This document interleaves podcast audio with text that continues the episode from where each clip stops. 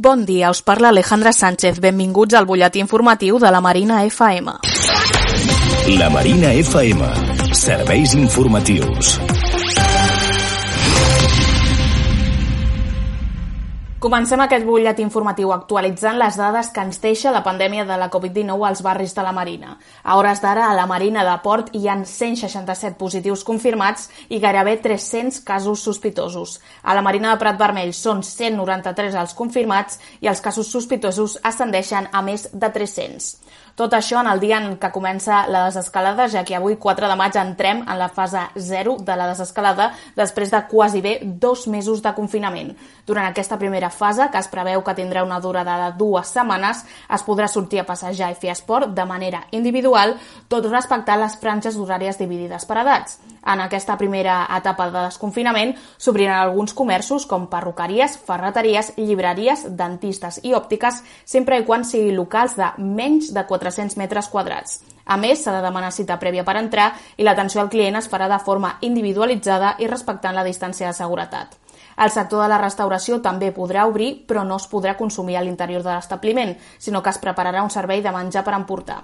En aquest aspecte, el comerç del barri tindrà una importància essencial, però no sempre és així. El propietari d'un quiosc i estanc del barri de la Marina, el Mario Borras, ens explica la situació del petit comerç. Pequeño comercio, eh, hay mucha gente que, que, que que lo tiene en cuenta, pero hay otro porcentaje muy grande que te tiene como, es que no te quiero decir ni como segundo ni como tercer plato, te tiene como salvavidas. De hostia, esto no lo encuentro ni aquí, ni allí, ni allí, ni allí, ni allí, a ver si lo tiene este, ¿sabes? Entonces, muchas veces te sientes así. El comerç local es troba en una situació al límit i de desavantatge davant la creixent construcció de grans superfícies comercials. Així ho explica el Mario. Cuando era bastante más joven, eh, me acuerdo que, que, cuando dieron la concesión de abrir el, el Gran Vía 2, aquí por ejemplo, me acuerdo que dijeron que era la última concesión de gran superficie que hacían en Barcelona. Y bueno, se hizo el Heron City, se hizo las Arenas, se hizo eh, Maquinista, se, se, han hecho un montón. Entonces, claro, esto, esto va minando los barrios. La prueba la tienes que ver que cuántos negocios hay cerrados que no se ha vuelto a abrir para nada, para nada, ni lo volveremos a ver. Porque las grandes superficies arrastran mucho. Lo que pasa que la pena es que cuando solamente queden grandes superficies, cuando te haga falta un kilito de arroz y tengas que irte al Gran Vía 2 porque no hay ninguna tienda de proximidad abierta porque es inaguantable, a ver si te hace gracia irte a comer dos horas de cola para coger un kilo d'arròs. Malgrat tot, el petit comerç comença a obrir a partir d'aquesta setmana i establirà un horari preferent per a les persones grans, que serà de 10 a 12 del matí i de 7 a 8 del vespre. A partir d'aquesta setmana, amb una primera relaxació de les mesures de confinament, s'espera que augmentin els ingressos als comerços locals, tot en el cas de que els veïns i veïnes prenguin consciència de la importància de consumir als establiments de proximitat.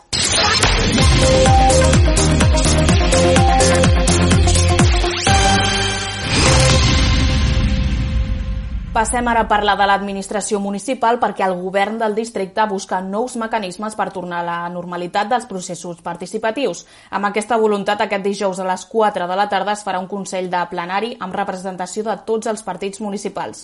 Per adaptar-lo a les condicions actuals de protecció, aquest es farà de manera telemàtica i es podrà seguir en streaming al canal de YouTube de l'Ajuntament de Barcelona. També els veïns i veïnes podran participar enviant una sol·licitud prèvia que trobareu a la pàgina web del govern del districte. També s'ha intentat recuperar el Consell de Barri de manera telemàtica, així s'ha creat la iniciativa El regidor respon a través de la plataforma Decidim Barcelona. El pròxim dimecres 13 de maig a les 6 de la tarda, els veïns i veïnes que així ho hagin sol·licitat a la web de decidim.barcelona podran plantejar-li temes, preguntes i qüestions directament al regidor Marc Serra.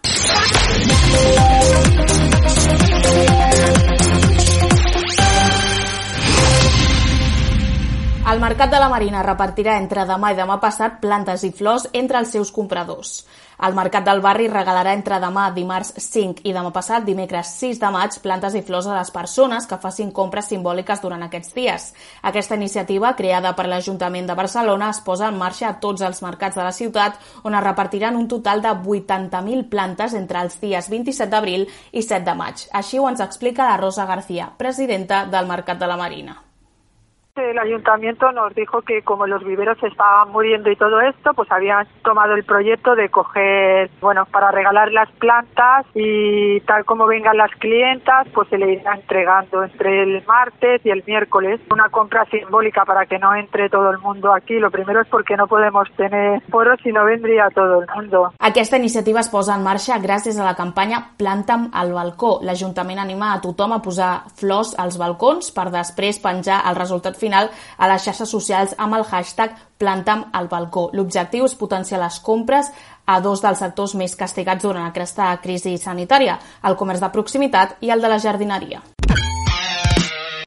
Els esports. I acabem, com sempre, parlant d'esports perquè acaba la temporada de la primera nacional de waterpolo amb el Club de Natació Montjuïc a la sisena posició la Federació Espanyola de Natació ha decidit posar punt i final a la primera divisió nacional de waterpolo. Degut a les conseqüències generades per la Covid-19, la federació ha fet una enquesta amb els clubs i ha donat per finalitzades les lligues de primera. El Club de Natació Montjuïc, dirigit per Alfonso Cánovas, acaba el campionat domèstic en una còmoda sisena posició. Aquest resultat contrasta amb la novena posició de la passada campanya i amb la lluita que va mantenir l'equip per evitar les places de descens. Tot i que la posició del Club de Natació Montjuïc ja no canviarà, el comitè de la federació encara ha de decidir el futur dels equips que es troben en posicions d'ascendir o descendir de categoria. Això és tot per avui. Tota la informació segueix a les nostres xarxes socials. Som arroba lamarinacat tant a Twitter com a Facebook i ens podeu trobar també a la nostra pàgina web lamarina.cat. La Marina FM. Serveis informatius.